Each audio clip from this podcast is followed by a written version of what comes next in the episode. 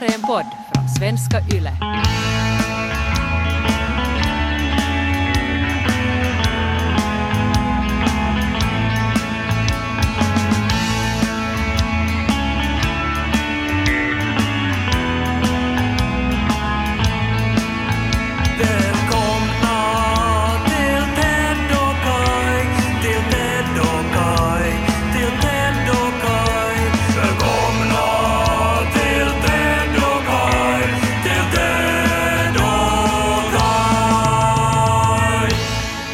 Börja med en uh, obehaglig historia här nu då?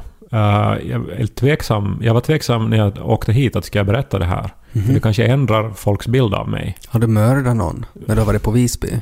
Jag har varit i Visby, ja, på Gotland några veckor. Och så ströp du någon? Det, jag, jag har skrivit på en, på en roman. Och det har gått bra med jobbet, det har varit underbart och fint i Visby. Ja. Uh, men jag har alltså bott i ett sånt här författarcentrum Mm. och haft ett eget rum. Ja. Det här är ett hus från, uh, nå, jag vågar inte säga när det är byggt, men hela Visby är ju medeltida och jättegammalt. Så Så att, var det en annan författare som började gå dig på nerverna där? jag har inte mördat någon. Okej. Varför skulle jag ha gjort det? Nej, Och för, varför skulle jag berätta det i podden i nej, så fall? för att du sa att det är någonting obehagligt och du vet inte om du ska berätta det. Ja, no, men jag är ju en rationell människa. Och så här, jag, och som barn var jag ängslig att vara hemifrån så här. Det kan jag tillstå. Men det har jag släppt med åren. Jag har absolut inget emot att bo på hotell eller att resa ensam eh, runt om i världen och så vidare. Jag blir inte ängslig och rädd. Nej. Och inte heller nu var jag det. Men eh, mitt rum då, eh, ganska litet men funktionellt, utsikt över havet. Funktionellt på vilket sätt? Alltså sådär att man kan... Att det ryms två människor om den där ena ligger. Så kan man rolla ihop dem i en matta också. Nej, utan så att det fanns säng, skrivbord, badrum, allt man behöver för att jobba. Okej. Och, eh, och någon lampa och någon hylla. Och tånglampa.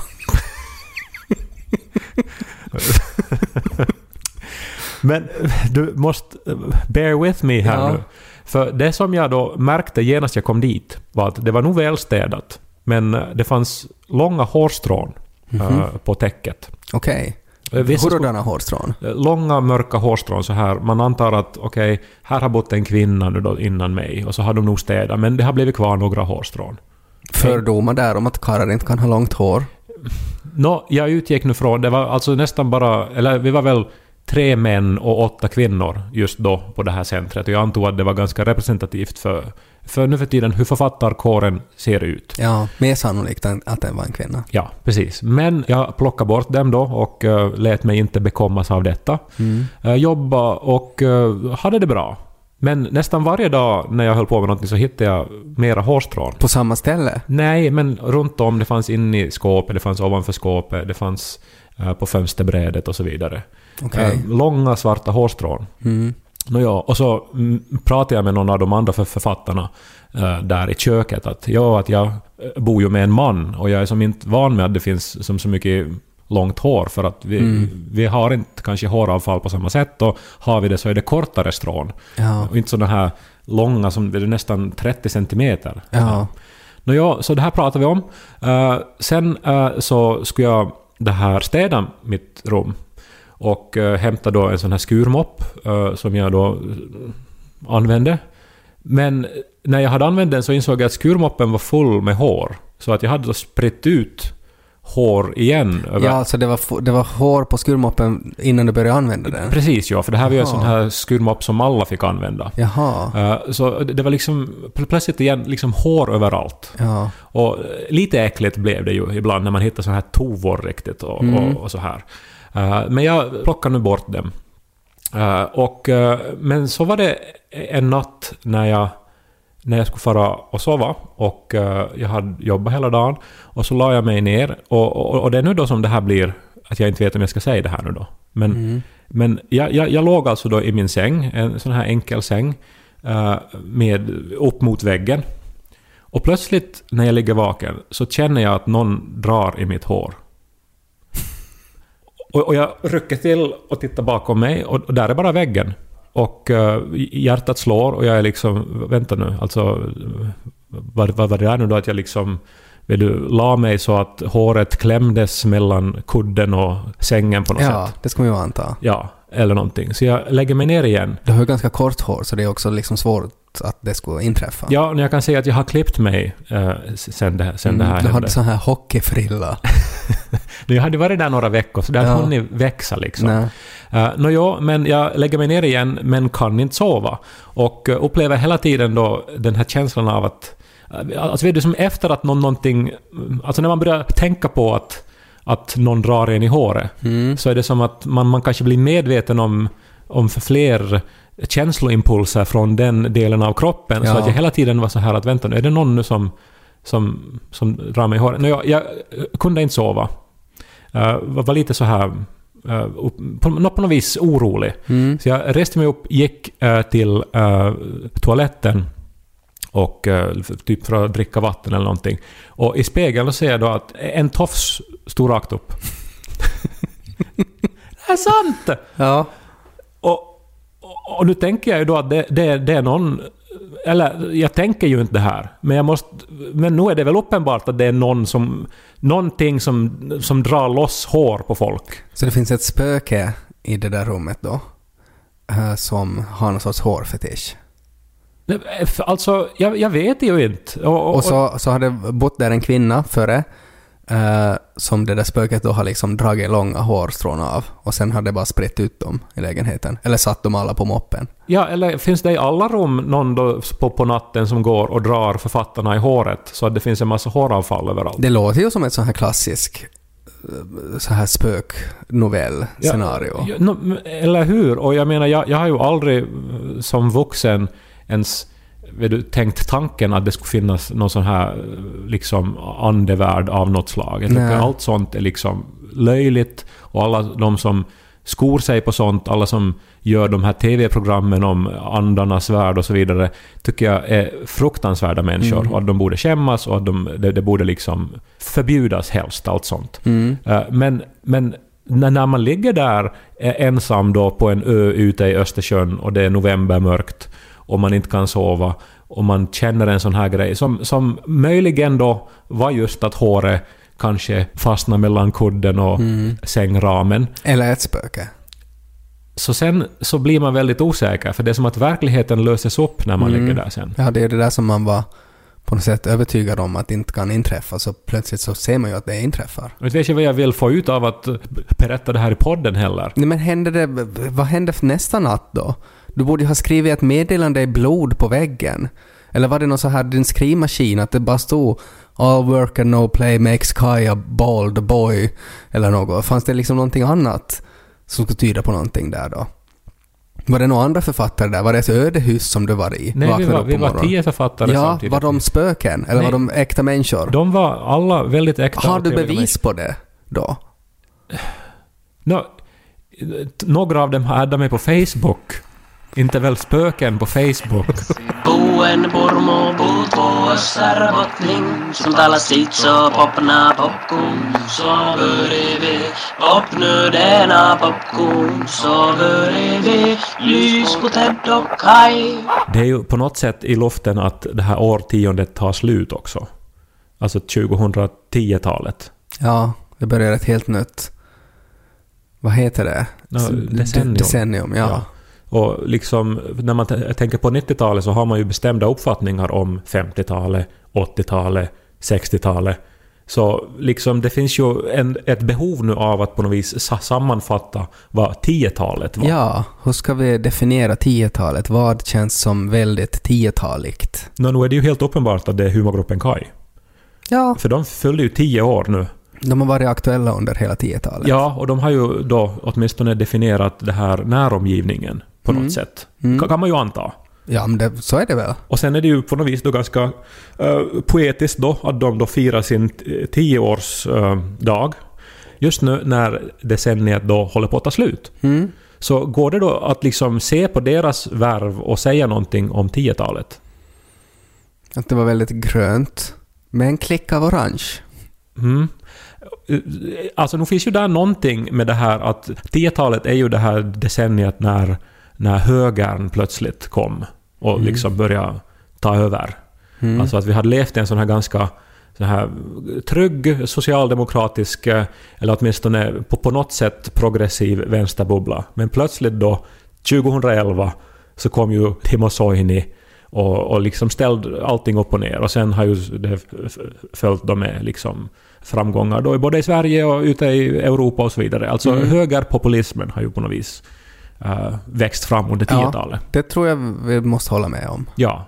Och säkert då i maskopi med sociala medier på något sätt. Mm. För att det har blivit lättare att, eh, att hitta likasinnade och att sprida åsikter och så vidare. Mm. Och att tvivla på etablerade medier. Exakt. Men är det är inte lite så att Kai på något sätt representerar eh, och jag tror vi har nämnt det här någon gång i podden Mm. förr också, en sån här mysig höger. Ja, jag tror det är en ståndpunkt som du har yttrat tidigare. Ja, men nu är det väl ganska klart att det är så. Alltså de är ju så här patriotiska, eller vet du, som drar hemåt. Det är nationalistiskt. Mm. Det är så här väldigt eh, konservativt på något sätt.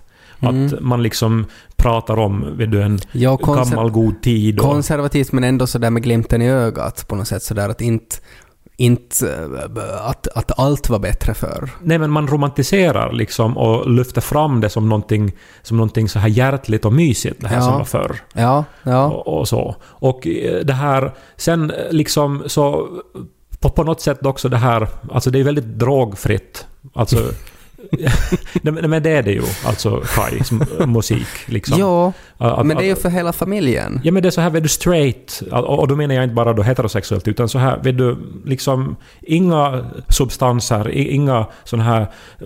Det är bara rock'n'roll. Nej, det är ju inte rock'n'roll heller, för rock'n'roll är ju just det där subversiva. Ja, men om, om, uttrycket sex, drugs and rock'n'roll. Ja, men de, de är ju inget av det då, där. Är de inte ens roll? Alltså, de är ju könlösa på ett sätt också. Nej, men, men, men, men, men det är det ju. Alltså, alltså väldigt... De är salamandrar. Nej men så här asexuella på något sätt. Ja, mm. Det, det ja, ju, men de börjar när de var barn också. Då är det ju svårt, liksom, då, jag menar, då är man ju könlös när man startar. de började väl när de var 16, det är väl då som man får ett kön. Eller börjar intressera sig. Och kön blir det huvudsakliga Nej, innehållet i ens liv. De var nog yngre tror jag när de började. Nej men om de är 26 nu och de har hållit på i 10 år, så måste de ju ha varit 16. Ja. Ja, men i alla fall, alltså så här... Eh, jag, jag tycker att där finns någonting i det faktum också att, att, att de, ingen av dem har skägg. Ja, men nu är det ju alltså i Österbotten om man får skäggstubb, så då kommer ju Fammo och säger att man ska raka sig. så är det för att man är liksom arbetslös och, och sådär. Eller alkoholist. Ja, men om man är skäggig. Eh, Det anses vara lite så här eh, tecken på att man på något vis håller på att tappa greppet kanske, att man Ja, inte sköter sig. No, det är väl sådär att du, an, antingen så är du totalt rakad eller så har du liksom skägg till midjan. Det finns, för fammo finns det inte någonting mittemellan. Ja, eh, precis. Och nu är det ju så att om Kevin Holmström plötsligt skulle ha sk- skäggstubb, så skulle åtminstone 5% av publiken inte fara till Botniahallen. Vilka är det? Är det mummorna och fammorna som ska stanna hemma då? Alltså alla de som skulle bli upprörda, jag tror att de flesta av dem är mormor och fammon då. Eh, Kevin skulle ju passa väldigt bra i skägg. Jag minns ju Gambemark när han hade den här ena karaktären som hade långt skägg. Han såg ju ut som Gandalf. Mashis Gunnar. Ja, ja det- han borde ju skaffa skägg. Jag håller med, det var, det var väldigt klädsamt. Mm. Eh, men, men att det gjordes ju med glimten i ögat. Ja. För inte skulle han ju ha skägg på riktigt. Nej.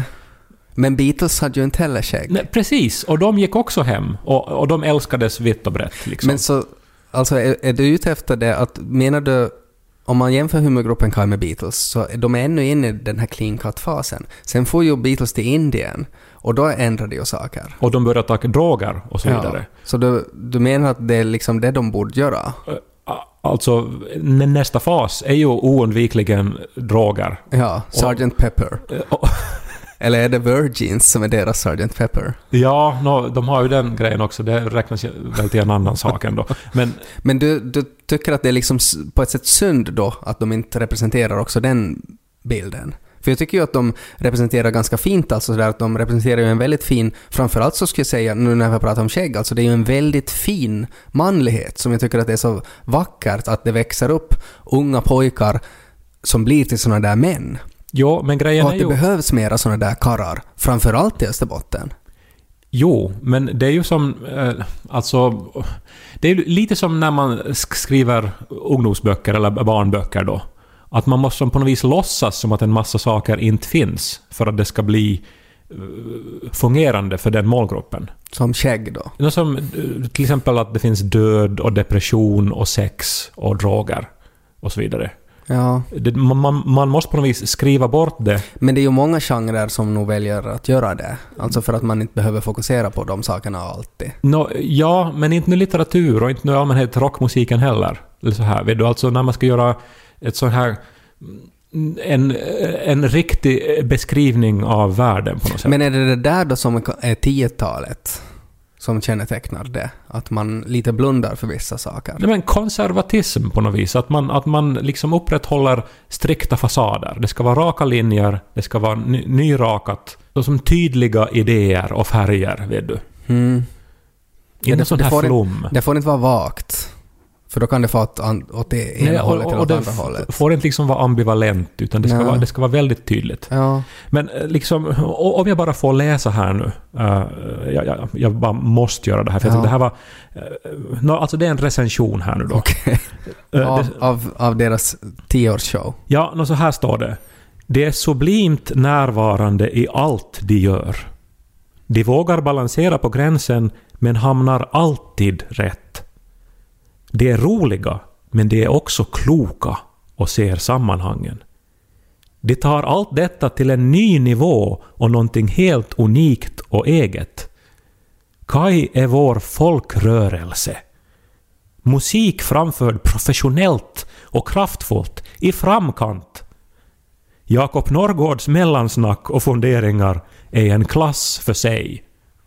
Det, det är ju alltså, jag tror, ingen har ju någonsin eh, summerat en recension eh, med såna här lovord, alltså någonsin. Alltså, det, Nej, det, här är, alltså, det här är det är älskat starkt. bortom... Det är ju starkt när man säger att, att allt är bra. När man faktiskt uttrycker dem. Alltså att det är liksom att allt och alla träffar alltid rätt. Och då finns det ju inte... Det, ju, det, det finns ju inte liksom någonsin möjligheten att det inte skulle träffa. Men det, det är ju lite...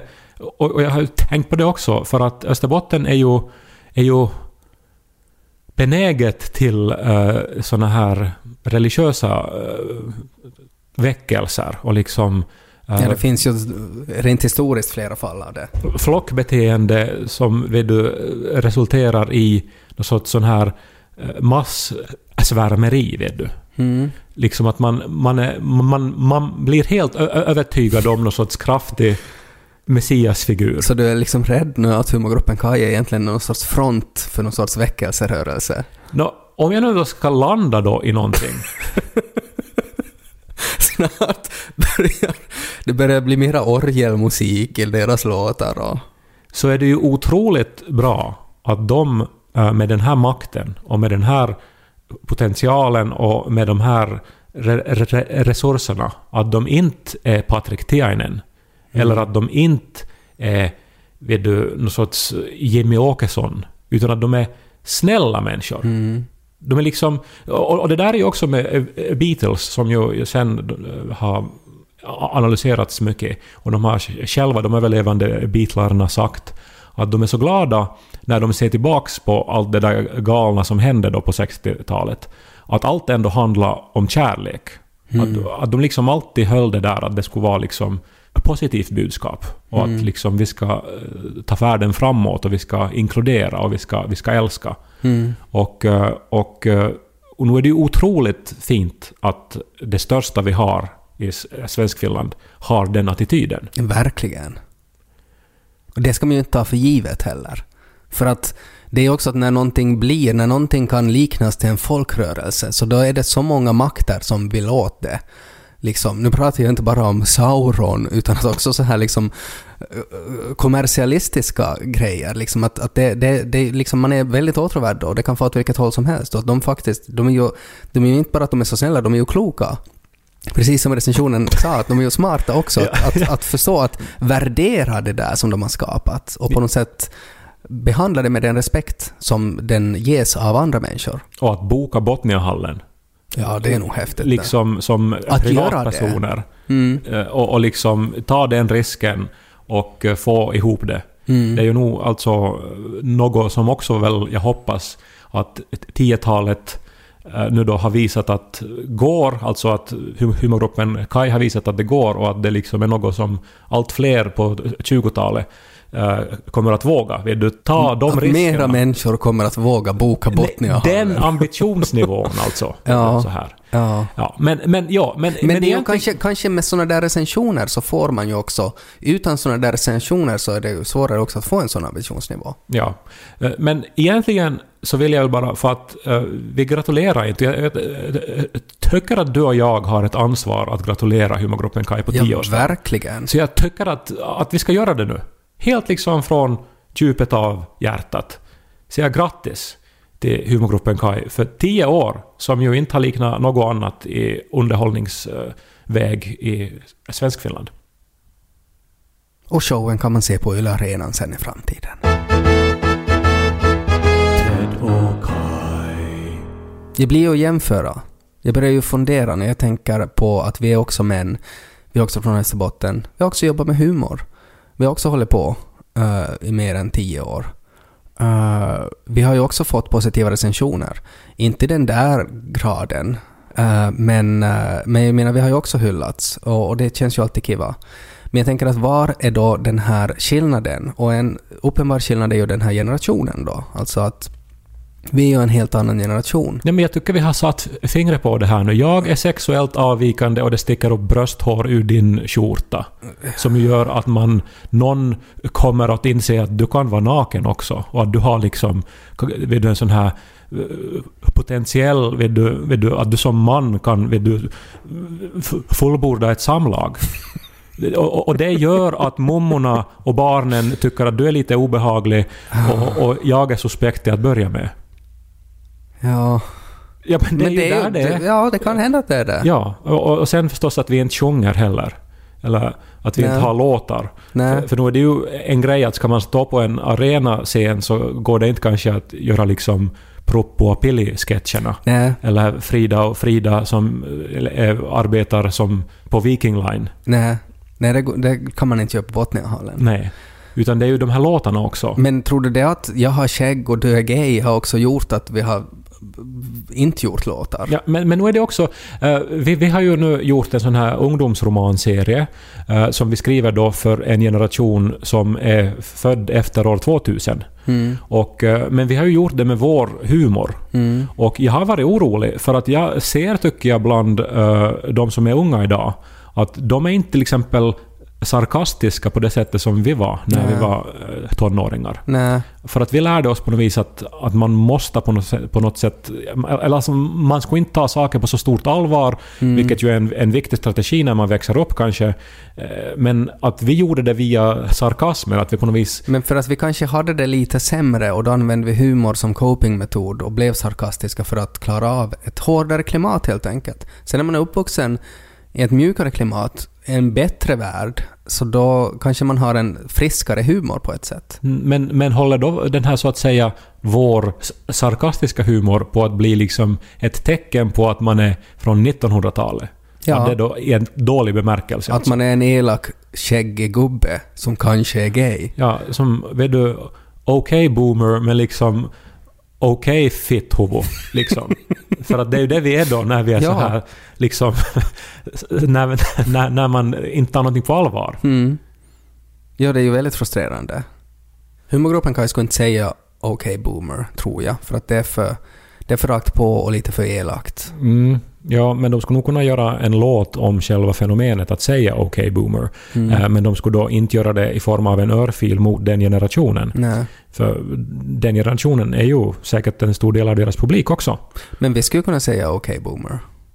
Och på något sätt ta de konsekvenserna då. Överlag har, har, har vi väl mindre hänsyn. Alltså, så, så här är det ju. Humorgruppen Kai är ju som Pleppo som har blivit kramat som barn. Vet du, som, som, som, som, som, Ja. som har på något vis fått...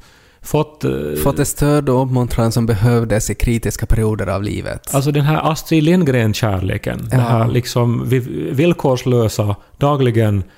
Vad duktig du är. Ja, och det är väl det där som är kanske skillnaden då mellan generationerna. Att det är, det är mera kärlek helt enkelt, som man har fått och som man har och som man ger. Vem av de tre tror du det är som skulle kunna Vet du, alltså, vill du ha en sån här lost weekend, en sån här... Sex, drugs and rock'n'roll. Men, Skäggstubb. Ja, precis. Och liksom fara till, jag vet inte, Kalifornien och liksom röka på Alltså och ha lösa förbindelser. det är nog jättesvårt för att på ett sätt så upplever jag att de alla tre skulle kunna göra det samtidigt som jag upplever att ingen av dem skulle kunna göra det. Det, det måste man nog annars, eh, om, om, om man nu ska prata om, om de enskilda medlemmarna. Uh, alltså Axel Åman, han har ju en bok i vår.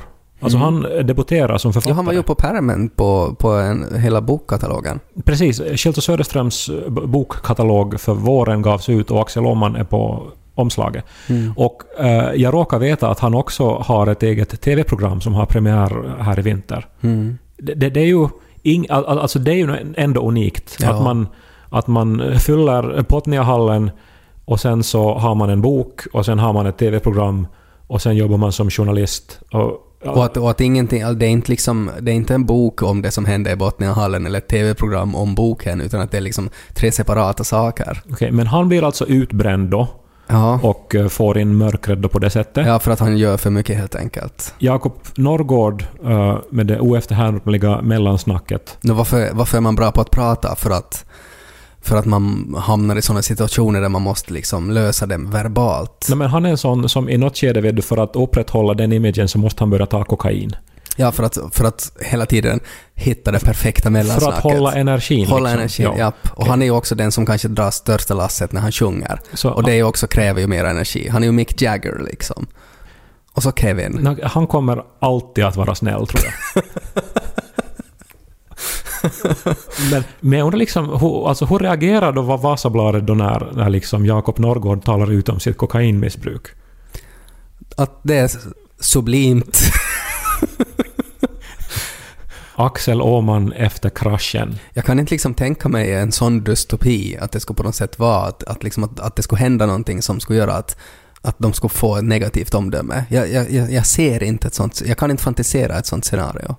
För jag tror att det skulle också måste vara så, jag menar om vi återgår från riktigt i början när du pratade om om dina spökupplevelsen och att jag antydde att du har mördat någon. De skulle ju måste mörda någon innan de skulle få en dålig recension. Ja, men Alltså sådär att, ja, musiken är helt bra men vi ska inte glömma att de tog livet av, Fredrik Foro. ja, ja de ströp Fredrik Foro eh, utanför Botniahallen. Eller till och med någon annan än Fredrik Foro, 1G3B. Eller så räcker det just med att du, någon av dem har skäggstubb. Det skulle vara spännande att se vad som skulle hända.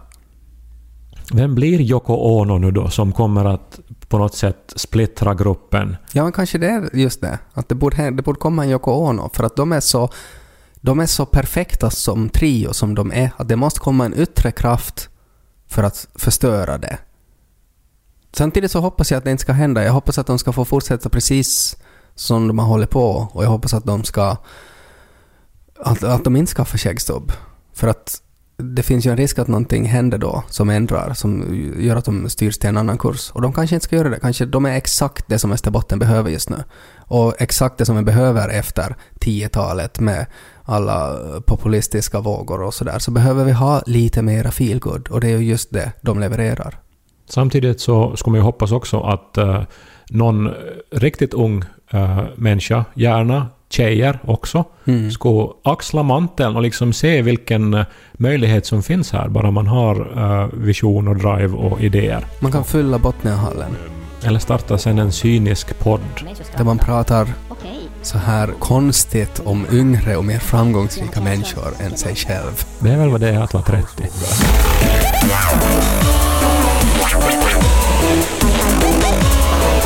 Mel Gibson.